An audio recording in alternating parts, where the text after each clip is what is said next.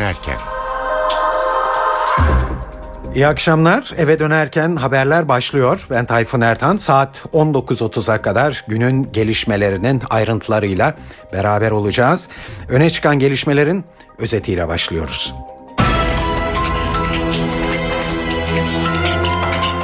Cezaevlerinde açlık grevinde bulunanların taleplerinden biri olan mahkemelerde ana dilde savunma yapılabilmesi doğrultusundaki düzenleme hükümet tarafından dün gece yarısı meclise gönderildi. Tasarının cuma günü Adalet Komisyonu'nda görüşülmesi bekleniyor. Suriye savaş uçakları Türkiye sınırındaki Resulayn kasabasını bombalamaya bugün de devam etti. Bombardımandan etkilenen Şanlıurfa'nın Ceylanpınar ilçesi yine tedirgin bir gün geçirdi. Türkiye'deki idam tartışmaları Avrupa Birliği tarafından yakından takip ediliyor. Avrupa Komisyonu idam cezası olmamasının Avrupa Birliği'nin insan hakları politikalarının ana hedeflerinden biri olduğuna işaret etti. Amerika Birleşik Devletleri Başkanı Barack Obama ikinci dönem kabinesinde yer alacak isimleri belirlemeye başladı. Obama Savunma Bakanlığı görevi için Senatör John Kerry'i, Dışişleri Bakanlığı için de Birleşmiş Milletler'deki daimi temsilcisi Susan Rice'ı düşünüyor. Ve Kanada'da 12 yıldır bitkisel hayatta olan bir hasta beyin görüntüleme teknolojisi yoluyla doktorlarına mesaj verdi.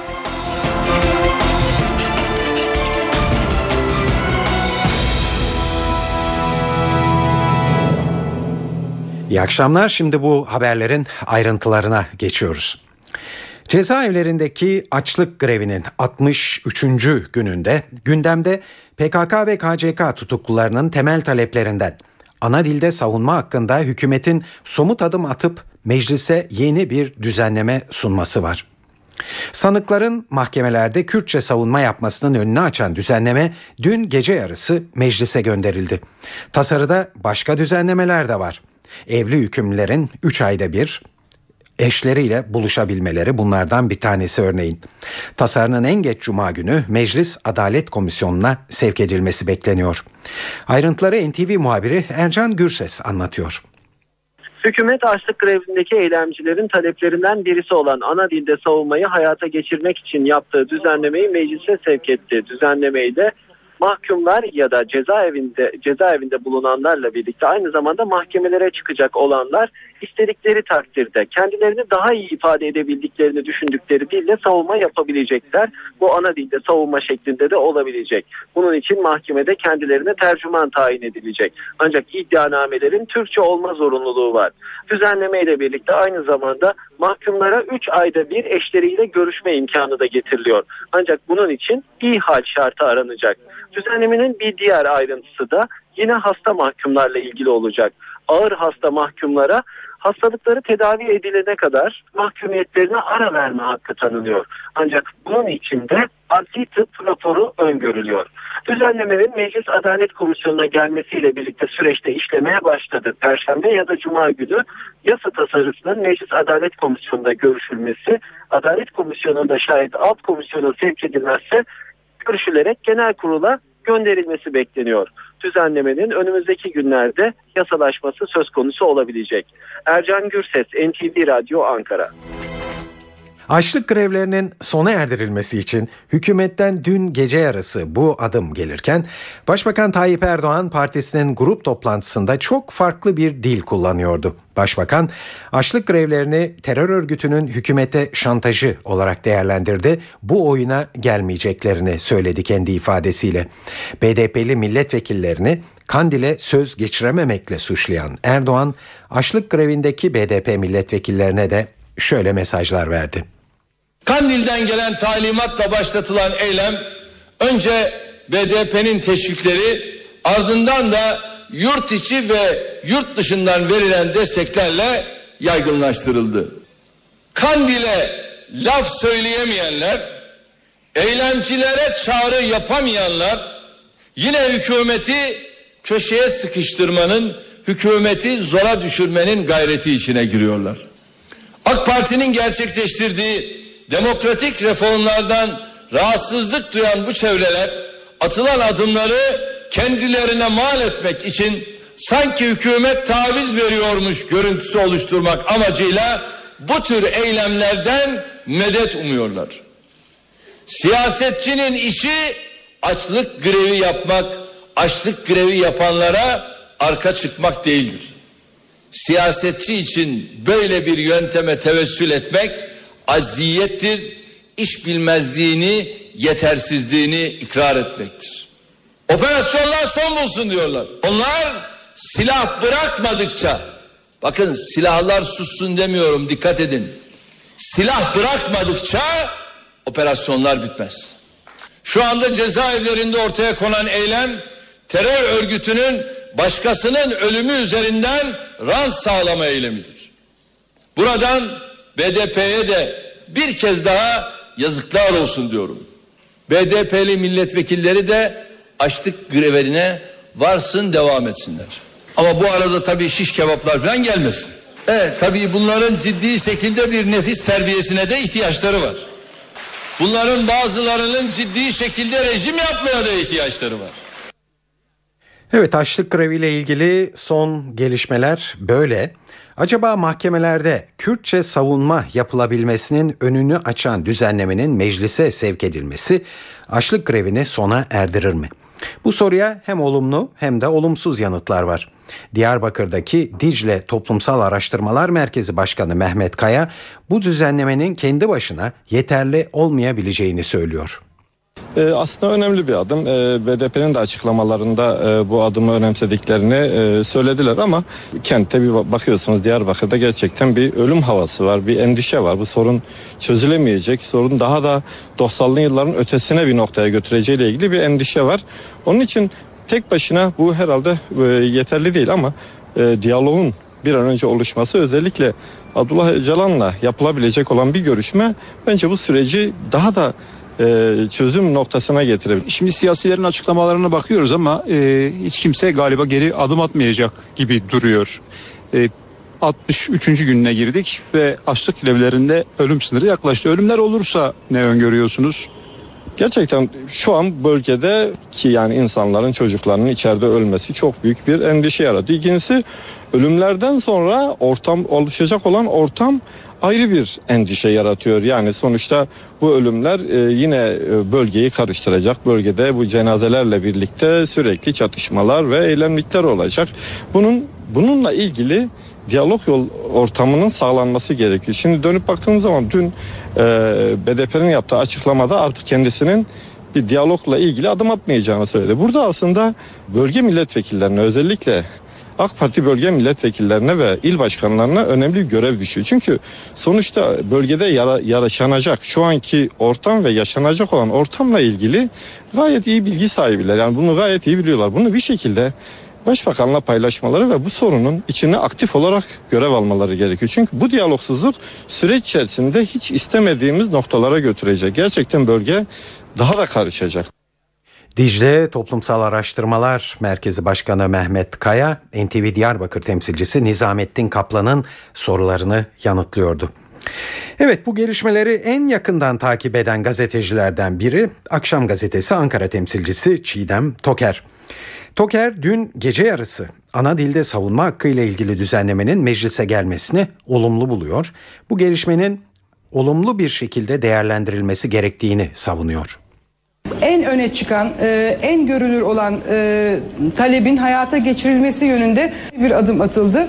E, yanı sıra şimdi bunun Adalet Komisyonu başta olmak üzere Başbakanın da grup toplantısında az önce hatırlattığı gibi genel kurulda e, hızlıca yasalaşması beklentisi hakim. E, yine Başbakan konunun uluslararası arenada bir gerilim e, yükseltme ameliyatına da boyun eğmeyeceğiz diyerek bu çağrılara da bir anlamda çok yüksek perdeden ve siyasi bir yanıt vermiş oldu. E, bu ana dilde savunma hakkına imkan tanıyan e, yasa değişikliği hakikaten e, önemli. E, bu, bunun kıymetlendirilmesi gerekiyor. E, hem açlık grevinde olan hükümlü ve tutuklular hem de e, BDP grubu açısından e, bakıldığında maksadın e, kısmen de olsa hasıl olduğu söylenebilir. Savunmayı aşarak mahkemelerdeki yargılamalardaki savunmayı aşarak eğitimin daha e, yaygın olması ana dilde eğitimin çok çok karmaşık bir konu bu. Bu karmaşıklığı da bir yana bir anayasa değişikliği gerektiren konu. Ancak buradan da başka bir konuya geçiyoruz. Anayasa Uzlaşma Komisyonu BDP'nin açlık grevleri e, dolayısıyla e, şu anda e, toplanamama tehlikesiyle e, karşı karşıya. E, dört partinin e, mutabakatı var. Kendi aralarında oluşturdukları bir, bir tüzük var. O tüzüğe göre e, üç e, toplantıya arka arkaya katılmazlarsa bu e, komisyon defakto olarak dağılmış sayılacak ve çalışamaz duruma gelecek. E, yani birbirine bağlı siyaseten birbirine çok e, bağlı bir e, denklemle karşı karşıya kaldık. Star gazetesi genel yayın yönetmeni Mustafa Karaoğlu, Karaalioğlu'nun görüşlerini yansıtacağız şimdi de. Karaalioğlu özellikle ana dilde savunma konusundaki ilerlemelerden sonra artık açlık grevinin sürdürülmesinin temel gerekçesinin ortadan kalkmış olduğu düşüncesinde. Hükümet e, akşam saatlerinde, dün gece geç saatlerde e, ana dilde savunmayı meclis başkanlığı ve komisyona ileterek e, bu konudaki e, gerekli olan adım atmıştır. Yani açlık e, grevine gerekçe olacak açlık grevini sürdürmeyi e, gerekli kılacak e, eşiğin altına düşünmüştür. Bu an itibariyle artık açlık grevini sürdürmenin e, bir e, anlamlı bir gerekçesi olduğunu düşünmüyorum. E, sonuçta evet başbakan e, bunun bir şov, şantaj olduğunu, e, bir tehdit olduğunu söylüyor ki kendi açısından bir parça haklıdır. Çünkü e, karşısında bulunan örgüt sadece açlık grevleriyle hükümetin karşısına çıkan bir örgüt değil. Sahada terörle bir, bir çeşitli unsurlarda, çeşitli yerlerde silahla e, Türkiye ile çatışma halinde olan bir örgüt. Bir, bir siyaset yapmakta örgüt. Bu siyasete karşı siyasi bir cevap verilmesi zorunluluktur. Başbakanın pozisyonu bu açıdan e, bu açıdan değerlendirilmeli. Şimdi Öcalan'la görüşme konusunda Öcalan'da zaten görüşüyordu avukatlar ama bir süredir bu görüşmeler kesildi. Bunun sebebi de kabaca söyleyelim. E, Öcalan'ın örgütü e, şiddet talimatıyla yönlendirdiğine dair bir mahkeme bilgisi. Bu bilgiden sonra bu görüşmeleri, e, bu avukat görüşmelerini e, ne sınırlama getirildi, kısıtlama getirildi ama aileyle görüşmeler devam ediyor. Yine e, anlaşılan o hükümetle yürütülen, arka planda yürütülen BDP ile e, Adalet Bakanı arasında yürütülen ama şu anda kesilmiş olan temaslardan görünüyor ki bunun da bir yolunun bulunması mümkün. İşte Mehmet Emin Aktar Başkanlığı'nda bir heyetle bir görüşme mümkün. Orada bu kez PKK görüşmeyi engelliyor. Aktar'ın yerine birilerini koymaya çalışıyorlar. Ama orada da hükümet tümden kapalı değil. Dolayısıyla bir buçuk talebin gerçeğini söyleyebiliriz. Öte yandan ana dilde eğitim konusu ise bir açlık grevi ilişkisiyle çözülebilecek bir konu değil. Bir anayasa değişikliği konusu. Bu tek başına hükümetin yapabileceği bir şey değil. Yani onu açlık greviyle çözmeye çalışmak zaten kabul edilebilir bir yöntem değil. Şu nokta itibariyle BDP'lilerin e, bu istenenlerin en azından en önemli kısmı, en e, meşhur kısmının gerçekleştiğinden bahiste eylemleri durdurucu mesajlar vermeleri beklenir.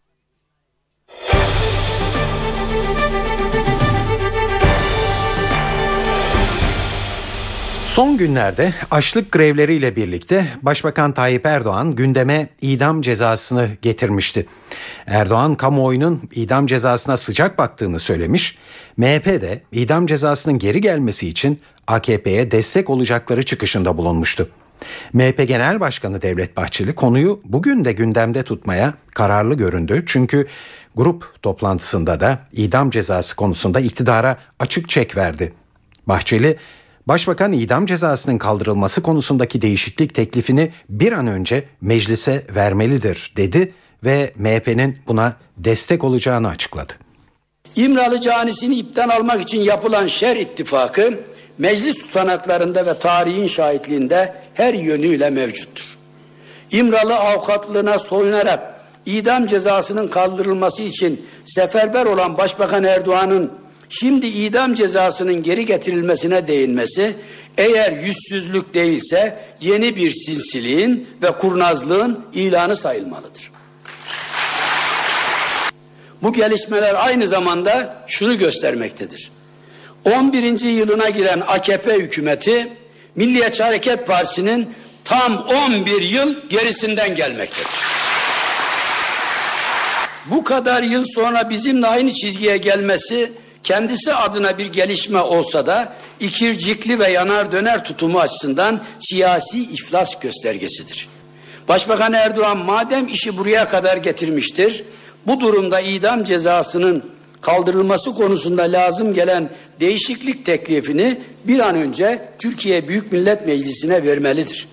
Milliyetçi Hareket Partisi bu konuda dün olduğu gibi bugün de aynı kararlılığını koruyacak ve her desteği sonuna kadar vererek idam cezasının tekrar getirilmesini sağlayacaktır.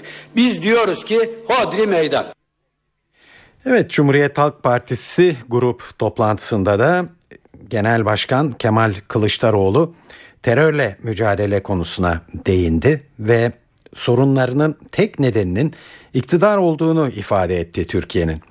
Kılıçdaroğlu CHP'nin terör sorununu çözebileceğini ve bu yolda risk alabileceğini de dile getirdi. 2002'de terörü sıfır noktasından devraldılar.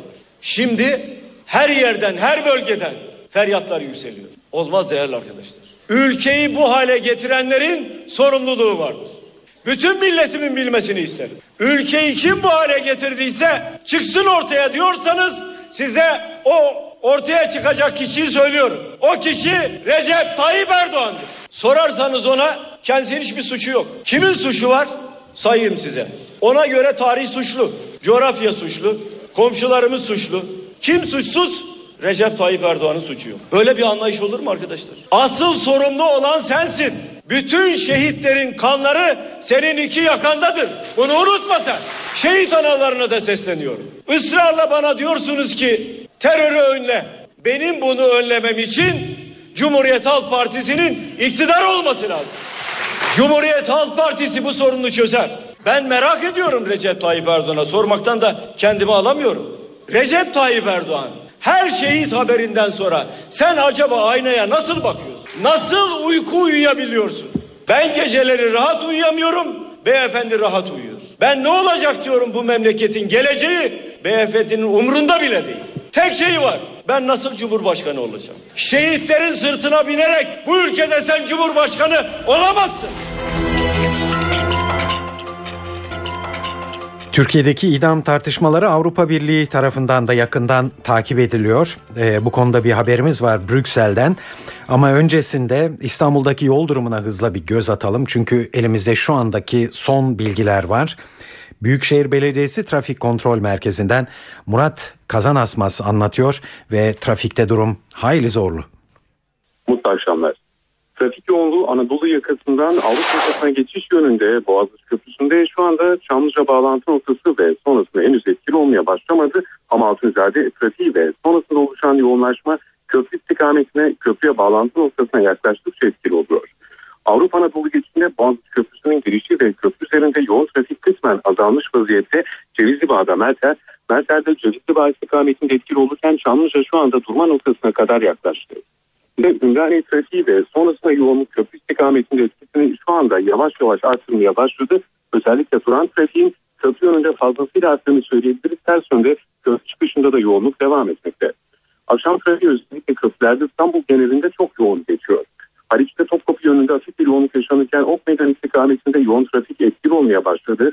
Cevizli Bağ Havalimanı istikametinde ise yoğunluk devam ediyor. Özellikle önümüzdeki dakikalar için bir uyarıda bulunacak olursak mümkünse biraz daha beklemek lazım. Özellikle köprü kullanacak sürücüler için hem Anadolu Avrupa hem de Avrupa Anadolu geçişinde iki köprüde de aşırı yoğunluk yaşanıyor. Kazasız günler, iyi akşamlar.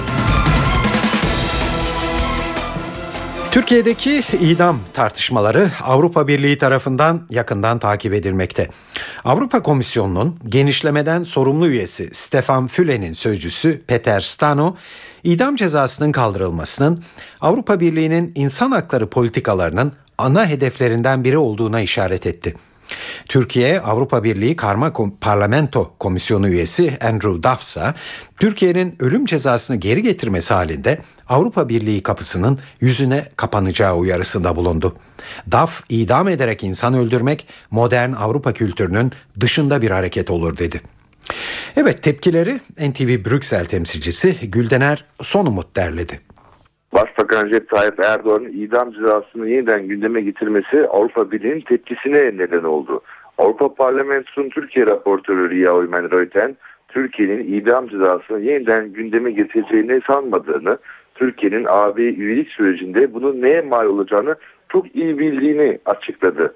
Avrupa Komisyonu da Türkiye'nin Avrupa Birliği'ne üyelik yolundaki en büyük reform çalışmasının idam cezasının kaldırılmış olduğunu hatırlatarak Avrupa Birliği olarak idam cezasının tüm dünyada kalkması yönünde bir politika izlediklerini söylemekte yetindi.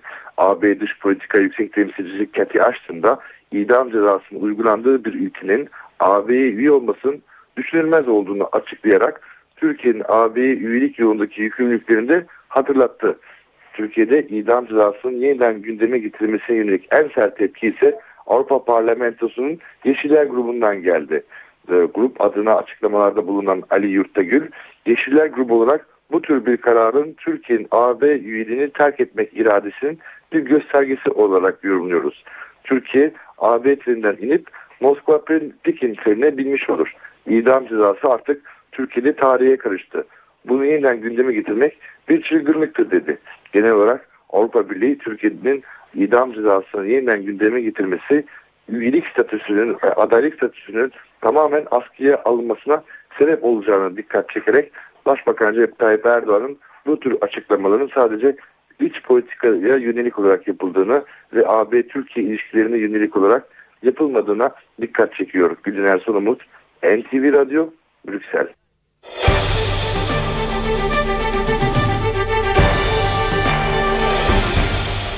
Suriye'deki çatışmalardan etkilenen Şanlıurfa'nın Ceylanpınar ilçesi e, dün geceyi sakin geçirdi diyebiliriz. Dün gün içindeki bombardımandan sonra Suriye sınırının ötesinden bu sabah yine bomba sesleri duyuldu. Suriye savaş uçakları Resulayn kasabasına bombalı saldırılarını ara vermeden sürdürdü. Büyük gürültülerle patlayan bombalar Ceylanpınar'da da tabi endişe yarattı. İlçede sık sık anonslar yapıldı. Evlerden çıkılmaması ve sınıra yakın yerlerde dolaşılmaması istendi. Ayrıntıları NTV muhabiri Hasan Uylaş anlatıyor.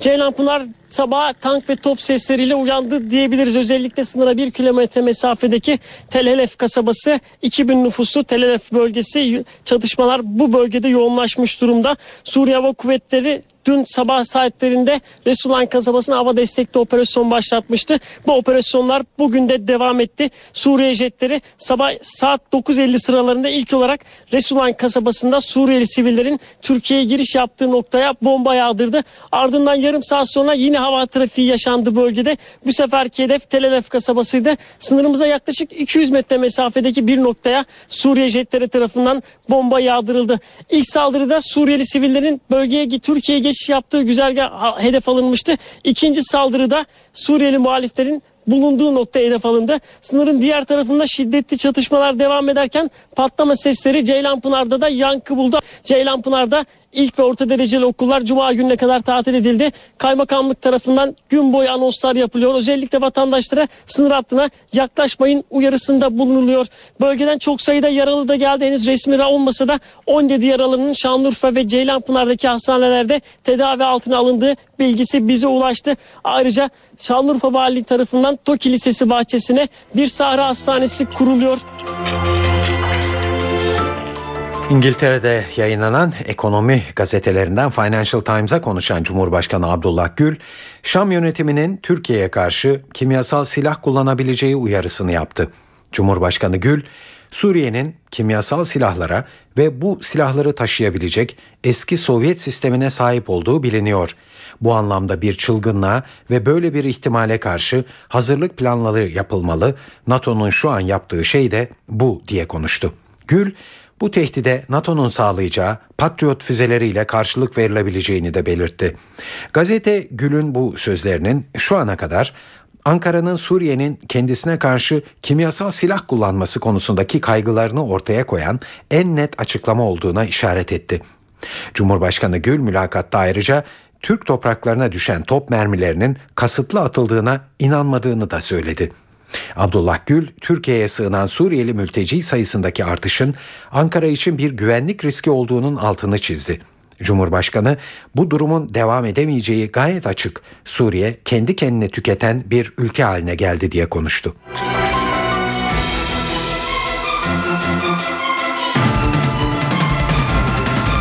Taksim Meydanı'nı yayalaştırma projesi devam ediyor. Tarihi eserlerin bulunabileceği ihtimaline karşı kazıların elle yapılmasının gerekli olup olmadığı tartışması var şimdi. İstanbul Büyükşehir Belediye Başkanı Kadir Topbaş bu soruya çalışma yapılan alan arkeolojik sit alanı değil biz incelemelerimizi yaptık diyerek karşılık verdi. Taksim bölgesi arkeolojik sit değil. Ne demek? Burada katmanlarında bir yerleşim yok. Semave İyice hocamızın birçok kitaplarında ve söylemlerinde ve makalelerinde Taksim hep anlatır. Maksim'in arkasında veba salgını çıktığı zaman şu andaki Fransız Kültür Merkezi'nin bir hastane gibi sağlık merkezi olarak kullanıldığını ve oradaki özellikle gemiciler ağırlıklı olmak üzere Galata'da gemiciler ağırlıklı olmak üzere veba hastalığından ölenleri kireçlenerek buraya gömüldüğünü daha önce bahsettiler.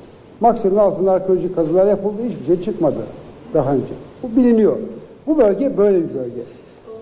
Arkeolojik sit olmadığı için arkeolojik sit olmadığı için bir arkeolojik kazı hassasiyeti gerekmiyor. Burası arkeolojik sit olmadığı için bir kentsel sırt mantığıyla çalışıyor. Evet şimdi para ve sermaye piyasalarında bugün neler oldu? Bu haberlere bakalım. CNBC'den Benel Hızarcı'yı dinliyoruz. İstanbul Menkul Kıymetler Borsası sınırlı kar satışlarının ardından bugünü artıda kapatmayı başardı.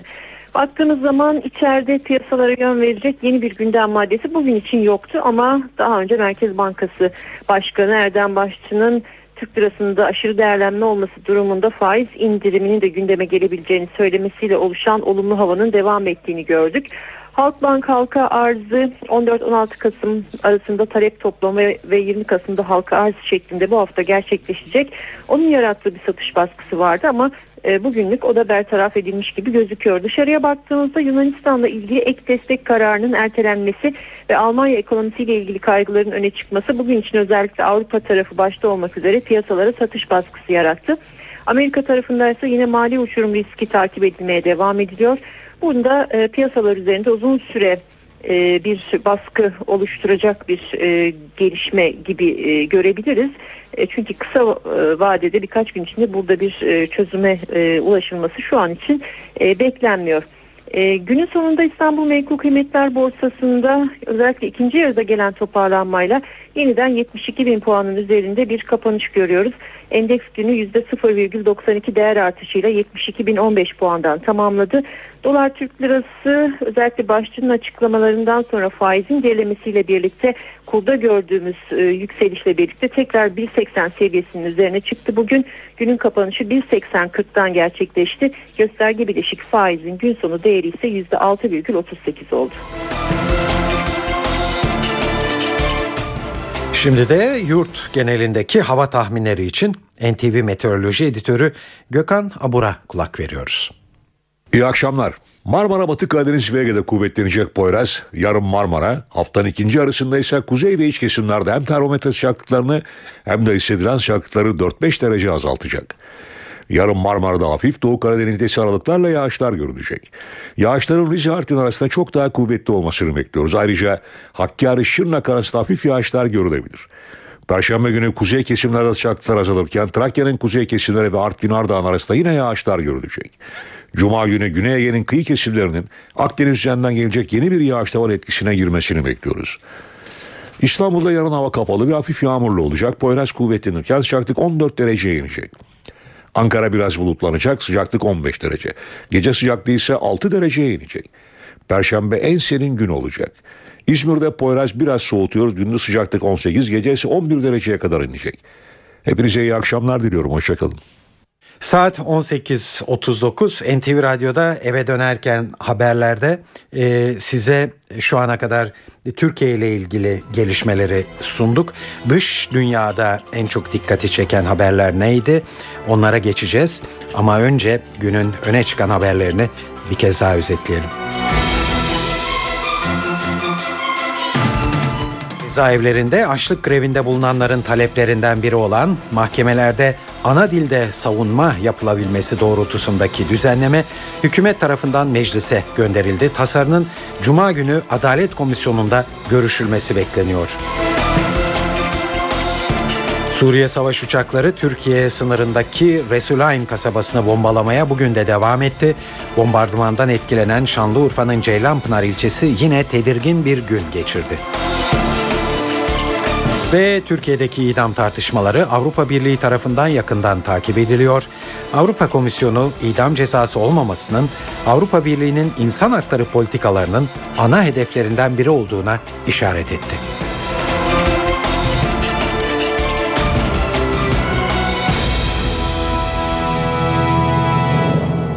Evet şimdi dünyada en çok konuşulan haberlerle devam edeceğiz ve bunların en başında da Amerika Birleşik Devletleri'ndeki haberler geliyor.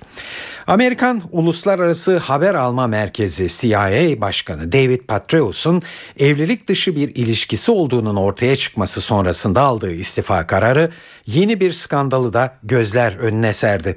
Şimdi de Afganistan'daki uluslararası gücün Amerikalı komutanı John Allen hakkında soruşturma başlatıldı. Soruşturmanın nedeni Allen'ın Patreus skandalında adı geçen Jill Kelly'e uygunsuz e-postalar göndermiş olması. Tartışmaların odağındaki Jill Kelly, FBI'ye yaptığı şikayetiyle Patreus'un istifasına yol açan süreci başlatmıştı. Soruşturmada 2010 ila 2012 yılları arasında Allen'la Kelly arasında gerçekleşen 30 bin yazışma incelenmekte. Bir yandan da Patreus'un adının karıştığı yasak aşk skandalı ile ilgili soruşturmada da yeni gelişmeler var. FBI ajanları Patreus'un ilişki yaşadığı Paula Broadwell'in evini aradı ve soruşturma kapsamında Broadwell'in bilgisayarında bazı gizli belgeler ve hassas askeri bilgiler bulundu.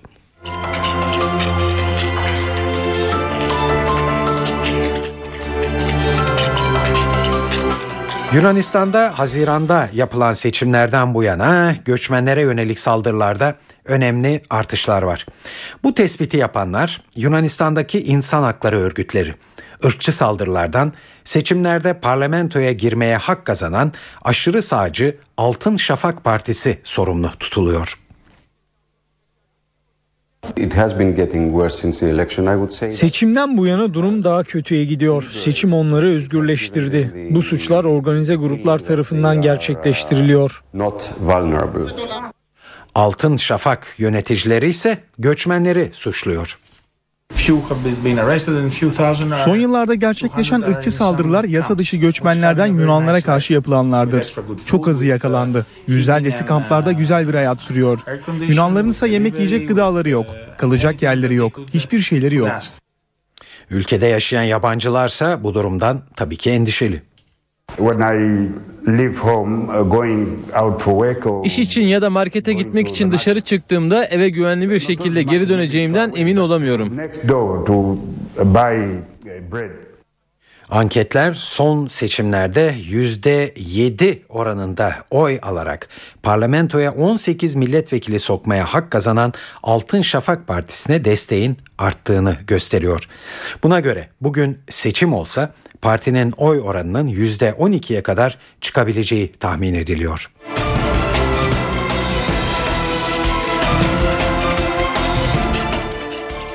Amerikan Başkanı Barack Obama ikinci dönem kabinesinde yer alacak isimleri belirlemeye başladı. Washington Post gazetesine Obama Savunma Bakanlığı görevi için Senatör John Kerry'i düşündüğünü belirtti. Kerry'nin Vietnam Savaşı'ndaki tecrübesi, diplomasi ve bütçe konularındaki yetkinliği nedeniyle Savunma Bakanlığı için uygun görüldüğü belirtiliyor. Haberini Beyaz Saray'daki üst düzey yetkililere dayandıran Washington Post gazetesine göre Obama Dışişleri Bakanlığı için halen Amerika'nın Birleşmiş Milletler'deki daimi temsilcisi olan Susan Rice'ı düşünüyor. Zira seçim kampanyası başlamadan Obama'nın ikinci kabinesinde yer almayacağını duyuran Hillary Clinton yorulduğunu ve ara vermek istediğini söylüyor. Hazine Bakanlığı içinde Obama'nın Beyaz Saray'daki sağ kolu Jack Lewin adı ağırlık kazanıyor. İstihdamın artırılması planı, bütçenin yeniden yapılandırılacak olması ve Euro bölgesindeki kriz nedeniyle Obama'nın Hazine Bakanlığı'na büyük önem verdiğine işaret edilmekte. Yeni kabine Obama'nın Ocak ayında yemin etmesiyle göreve başlayacak. Ermenistan Devlet Başkanı Serj Sarkisyan soykırım iddiaları konusunda Türkiye'den Fransa'yı örnek almasını istedi. Paris'te bulunan Sarkisyan Le Figaro gazetesine konuştu. Sarkisyan Fransız yöneticilerin tarihle yüzleşmesini övdü. Cumhurbaşkanı Hollande'dan bu konuyu Türk yetkililerine anlatmasını isteyeceğim. Türk yetkililer bunlardan ders çıkarabilir dedi. Sarkisyan bu açıklamasının hemen ardından Fransa Cumhurbaşkanı François Hollande'la bir araya geldi. İki lider görüşme öncesi basına kısa bir açıklama yaptı. Hollande açıklamada Fransız Anayasa Konseyi tarafından geri çevrilen inkar yasasına değinmedi. Buna karşılık soykırım iddialarının tanınması için sarf ettiği çabalardan ötürü kendisini öven Sarkisyan'a teşekkür etti.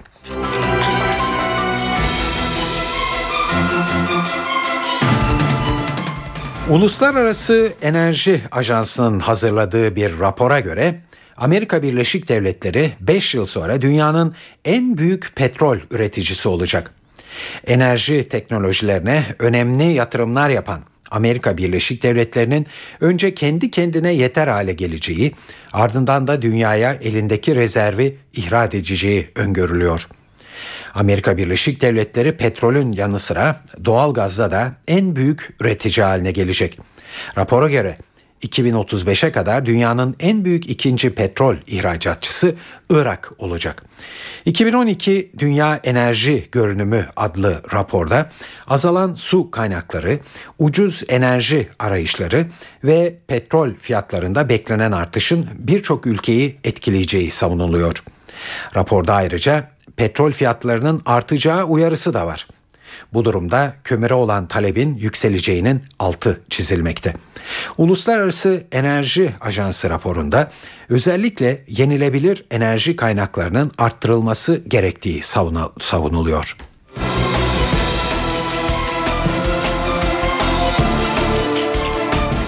Türkiye'de 7 milyon kişi diyabetten rahatsız. Üstelik bunların 20 bini çocuk.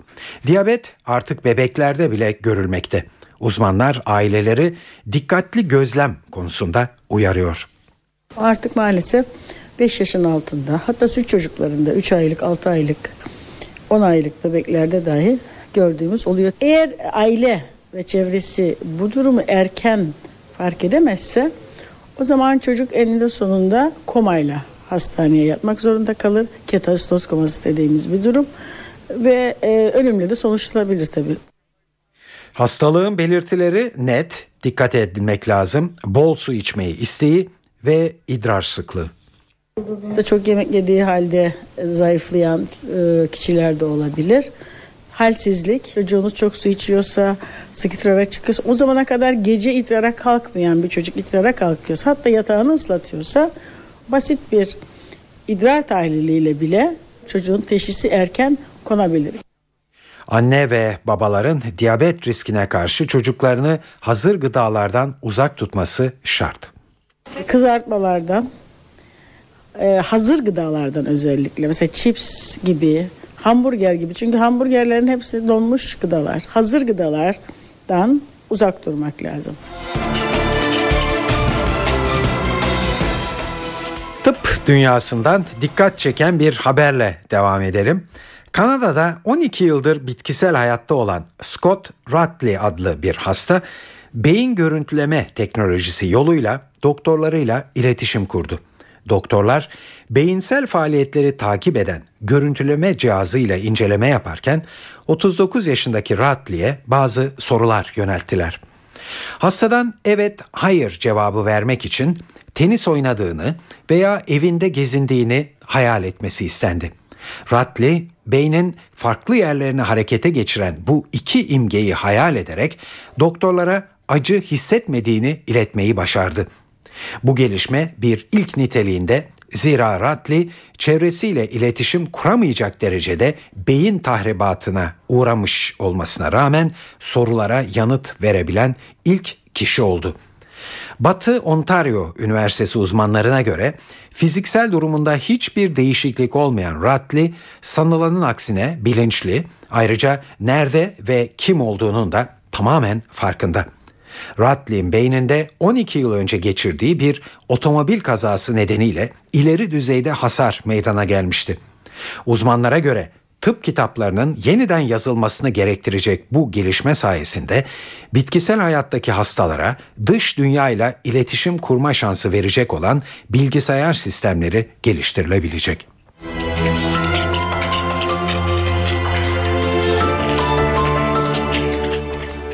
Amerikalı bilim adamlarının araştırması gece geç saatte yenen gıdaların fazla kilolara neden olduğunu ortaya koydu. Araştırmaya göre gece geç saatte vücut kalori muhafaza etmeyi seçiyor.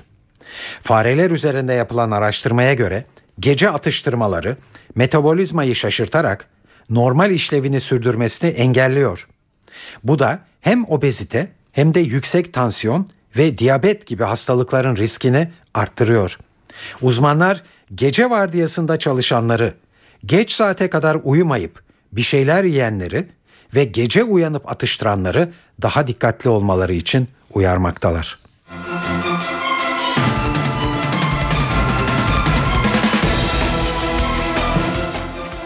Dünya Kupası elemelerinde aldığı başarısız sonuçlar sonrasında eleştirilerin odağındaki A milli futbol takımı yarın İstanbul'da Danimarka ile özel bir maç yapacak. Ancak maç öncesindeki bazı gelişmeler yeni bir tartışma başlatmış gibi görünüyor. Dün bir organizasyona katılan teknik direktör Abdullah Avcı'ya Danimarka karşısında Galatasaraylı oyunculara şans verilmesi durumunda Galatasaraylı futbolcuların 3 gün içinde 2 maç yapmak zorunda kalacakları hatırlatıldı. Bunun üzerine Avcı Futbol Federasyonu'nu suçlayarak bunu bana değil federasyon yetkililerine sorun. Galatasaray Karabük maçı için niye cuma yerine cumartesi oynatılmıyor? Ben 10 yıldır böyle bir durum görmedim diye konuştu. Federasyonu bu sözlerle eleştiren Abdullah Avcı'nın yarınki milli maçta Galatasaraylı bazı futbolcuları 90 dakika oynatması halinde yeni bir krizin ortaya çıkabileceği öne sürülmekte. Abdullah Avcı bugün bu iddialara yanıt verdi. Avcı Galatasaray'ın ve Fenerbahçe'nin Avrupa'da yer almaları bizim için de önemli. Kulüp menfaatlerini de düşünerek hareket edeceğiz diye konuştu. Galatasaray'a da devam eden Fenerbahçe'ye de buradan başarılar diliyorum. Bizim için e, biraz evvel gibi onların bu yarışın içinde olması son derece önemli. Artı sporcu sağlığı da bizim için son, son derece önemli. Biz kulüpleri de düşünerekten hareket edeceğiz. Onun için e, süre zar. Ben tabii milli takım hocası olarak bir cumartesi günü öğlen oynanması daha sağlıklı, daha mantıklı olurdu diye düşünüyorum. Ama bunun en iyi şekilde hem oyuncu açısından hem kulüp açısından hem milli takım açısından sağlıklı bir şekilde değerlendirmesini yapacağız. Onlara da buradan başarılar diliyorum. Evet hava durumuna bir kez daha göz atacağız şimdi. NTV Meteoroloji Editörü Gökhan Abur anlatıyor. İyi akşamlar. Marmara Batı Karadeniz ve Ege'de kuvvetlenecek Poyraz, yarın Marmara, haftanın ikinci arasında ise kuzey ve iç kesimlerde hem termometre sıcaklıklarını hem de hissedilen sıcaklıkları 4-5 derece azaltacak. Yarın Marmara'da hafif Doğu Karadeniz'de ise aralıklarla yağışlar görülecek. Yağışların Rize Artvin arasında çok daha kuvvetli olmasını bekliyoruz. Ayrıca Hakkari Şırnak arasında hafif yağışlar görülebilir. Perşembe günü kuzey kesimlerde sıcaklıklar azalırken Trakya'nın kuzey kesimleri ve Artvin Ardahan arasında yine yağışlar görülecek. Cuma günü Güney Ege'nin kıyı kesimlerinin Akdeniz üzerinden gelecek yeni bir yağış tavan etkisine girmesini bekliyoruz. İstanbul'da yarın hava kapalı ve hafif yağmurlu olacak. Poyraz kuvvetlenirken sıcaklık 14 dereceye inecek. Ankara biraz bulutlanacak, sıcaklık 15 derece. Gece sıcaklığı ise 6 dereceye inecek. Perşembe en serin gün olacak. İzmir'de Poyraz biraz soğutuyor. Gündüz sıcaklık 18, gece ise 11 dereceye kadar inecek. Hepinize iyi akşamlar diliyorum. Hoşçakalın. Suriye savaş uçakları Türkiye sınırındaki Resulayn kasabasını bombalamaya bugün de devam etti. Bombardımandan etkilenen Şanlıurfa'nın Ceylanpınar ilçesi yine tedirgin bir gün geçirdi. Cezaevlerinde açlık grevinde bulunanların taleplerinden biri olan mahkemelerde ana dilde savunma yapılabilmesi doğrultusundaki düzenleme hükümet tarafından meclise gönderildi. Tasarının cuma günü Adalet Komisyonu'nda görüşülmesi bekleniyor. Ve Türkiye'deki idam tartışmaları Avrupa Birliği tarafından yakından takip edilmekte. Avrupa Komisyonu idam cezası olmamasının Avrupa Birliği'nin insan hakları politikalarının ana hedeflerinden biri olduğuna işaret etti.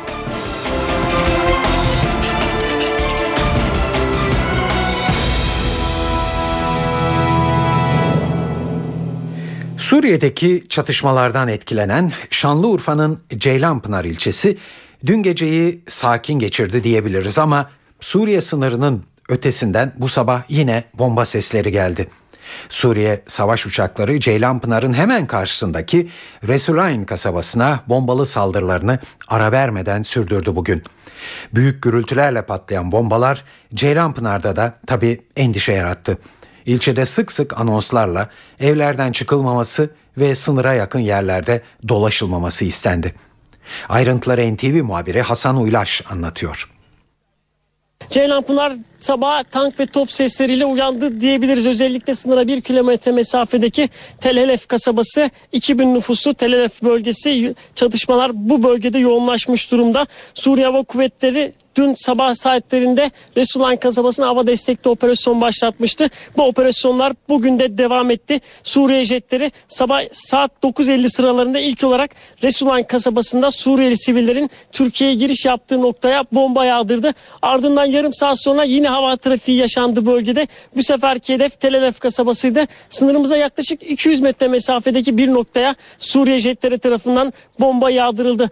İlk saldırıda Suriyeli sivillerin bölgeye Türkiye'ye geçiş yaptığı güzergah hedef alınmıştı. İkinci saldırıda Suriyeli muhaliflerin bulunduğu nokta hedef alındı. Sınırın diğer tarafında şiddetli çatışmalar devam ederken patlama sesleri Ceylanpınar'da da yankı buldu. Ceylanpınar'da ilk ve orta dereceli okullar cuma gününe kadar tatil edildi. Kaymakamlık tarafından gün boyu anonslar yapılıyor. Özellikle vatandaşlara sınır hattına yaklaşmayın uyarısında bulunuluyor.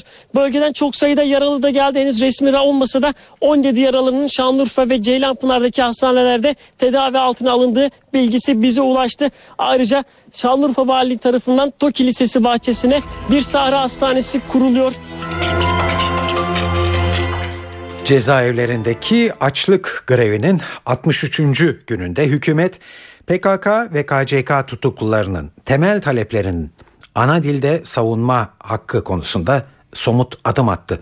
Sanıkların mahkemelerde Kürtçe savunma yapmasının önünü açan düzenleme dün gece yarısı meclise gönderildi. Tasarıda başka düzenlemeler de var. Evli hükümlerin 3 ayda bir eşleriyle buluşabilmesi bunlardan biri. Tasarının en geç cuma günü Meclis Adalet Komisyonu'na sevk edilmesi bekleniyor.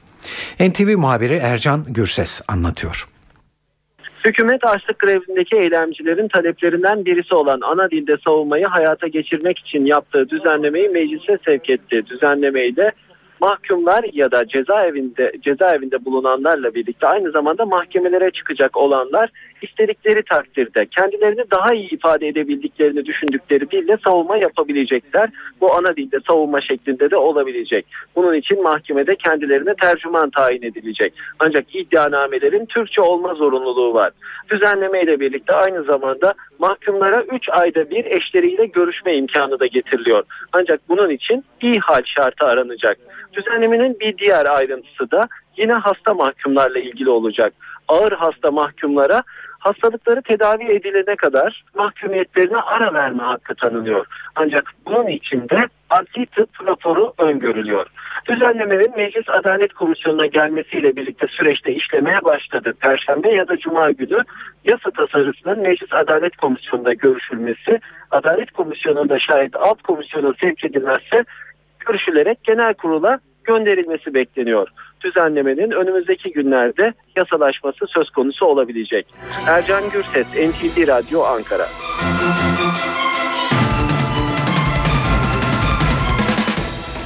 Son günlerde açlık grevleriyle birlikte Başbakan Tayyip Erdoğan gündeme idam cezasını getirmişti.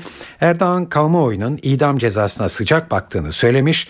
MHP'de idam cezasının geri gelmesi için AKP'ye destek olacakları çıkışında bulunmuştu.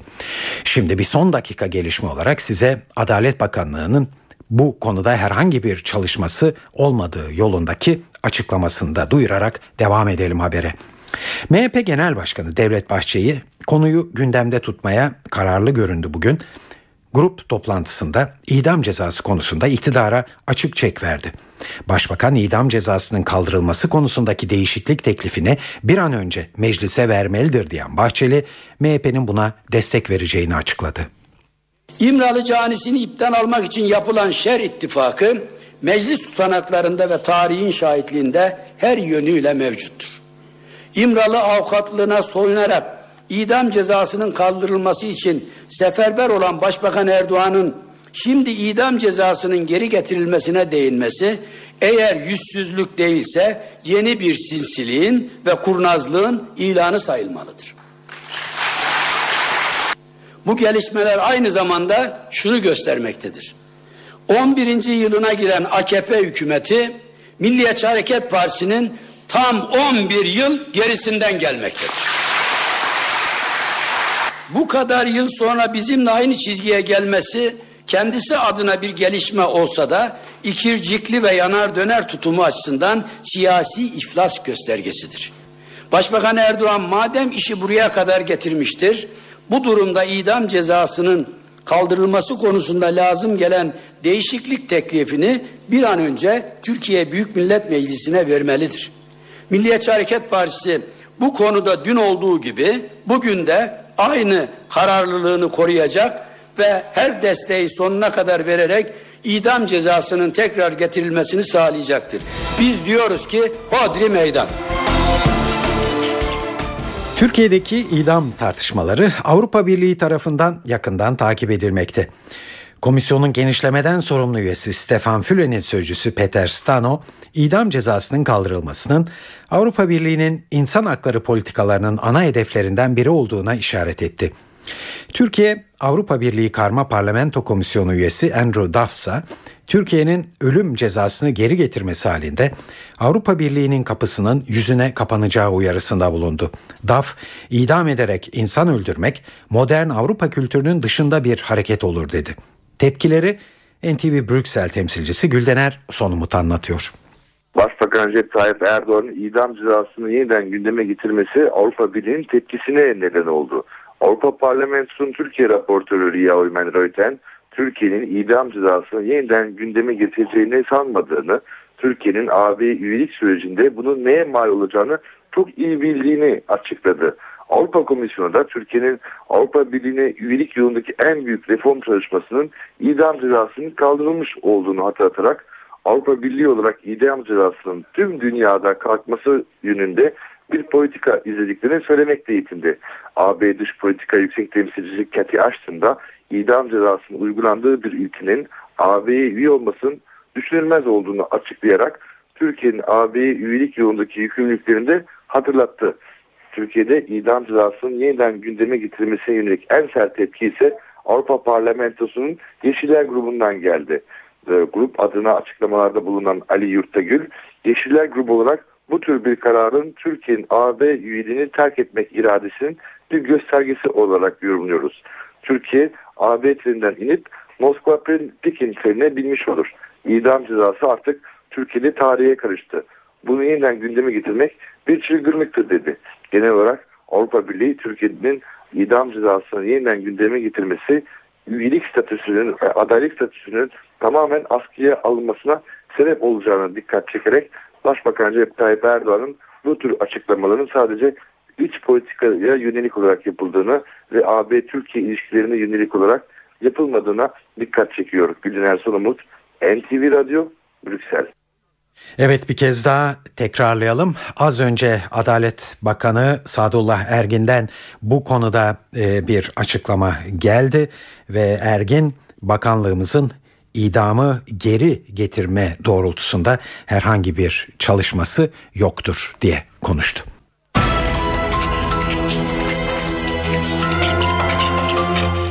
İngiltere'de yayınlanan Ekonomi gazetesi Financial Times'a konuşan Cumhurbaşkanı Abdullah Gül, Şam yönetiminin Türkiye'ye karşı kimyasal silah kullanabileceği uyarısında bulundu. Cumhurbaşkanı Gül, Suriye'nin kimyasal silahlara ve bu silahları taşıyabilecek eski Sovyet sistemine sahip olduğu biliniyor. Bu anlamda bir çılgınlığa ve böyle bir ihtimale karşı hazırlık planları yapılmalı. NATO'nun şu an yaptığı şey de bu diye konuştu. Gül, bu tehdide NATO'nun sağlayacağı Patriot füzeleriyle karşılık verilebileceğini de belirtti. Gazete Gül'ün bu sözlerinin şu ana kadar Ankara'nın Suriye'nin kendisine karşı kimyasal silah kullanması konusundaki kaygılarını ortaya koyan en net açıklama olduğuna işaret etti. Cumhurbaşkanı Gül mülakatta ayrıca Türk topraklarına düşen top mermilerinin kasıtlı atıldığına inanmadığını söyledi. Abdullah Gül, Türkiye'ye sığınan Suriyeli mülteci sayısındaki artışın Ankara için bir güvenlik riski olduğunun da altını çizdi. Cumhurbaşkanı bu durumun devam edemeyeceği gayet açık. Suriye kendi kendini tüketen bir ülke haline geldi diye konuştu.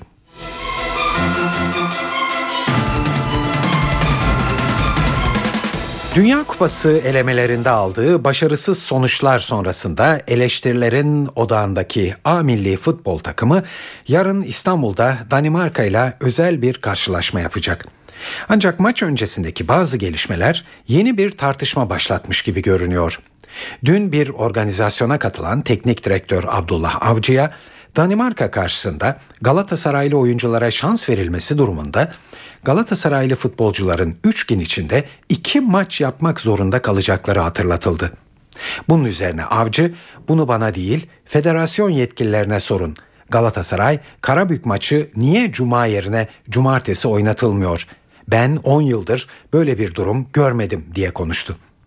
Abdullah Avcı'nın yarınki milli maçta Galatasaraylı bazı futbolcuları 90 dakika oynatması halinde yeni bir krizin ortaya çıkabileceği öne sürülüyor.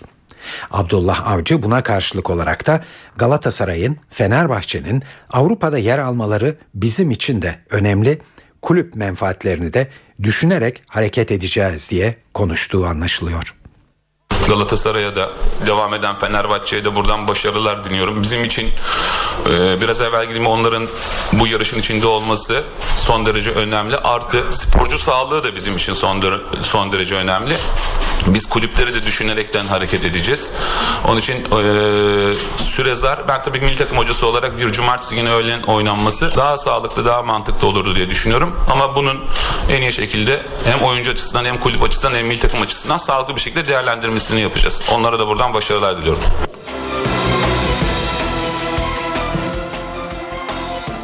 Evet sırada şimdi çeşitli kültür ve sanat faaliyetlerinden derlediğimiz haberler var.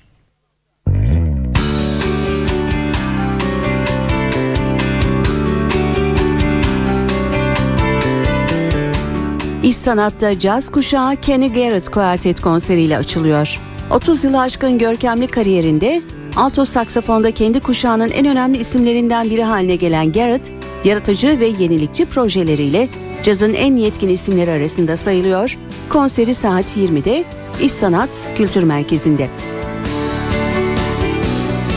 Enka'da da yeni dönem başlıyor. 7 performansla 18 Aralık'a kadar devam edecek buluşmalardaki klasik müzikten tangoya ve pop'a farklı sesler canlı performanslarla Enka sahnesinde seyirciyle buluşacak.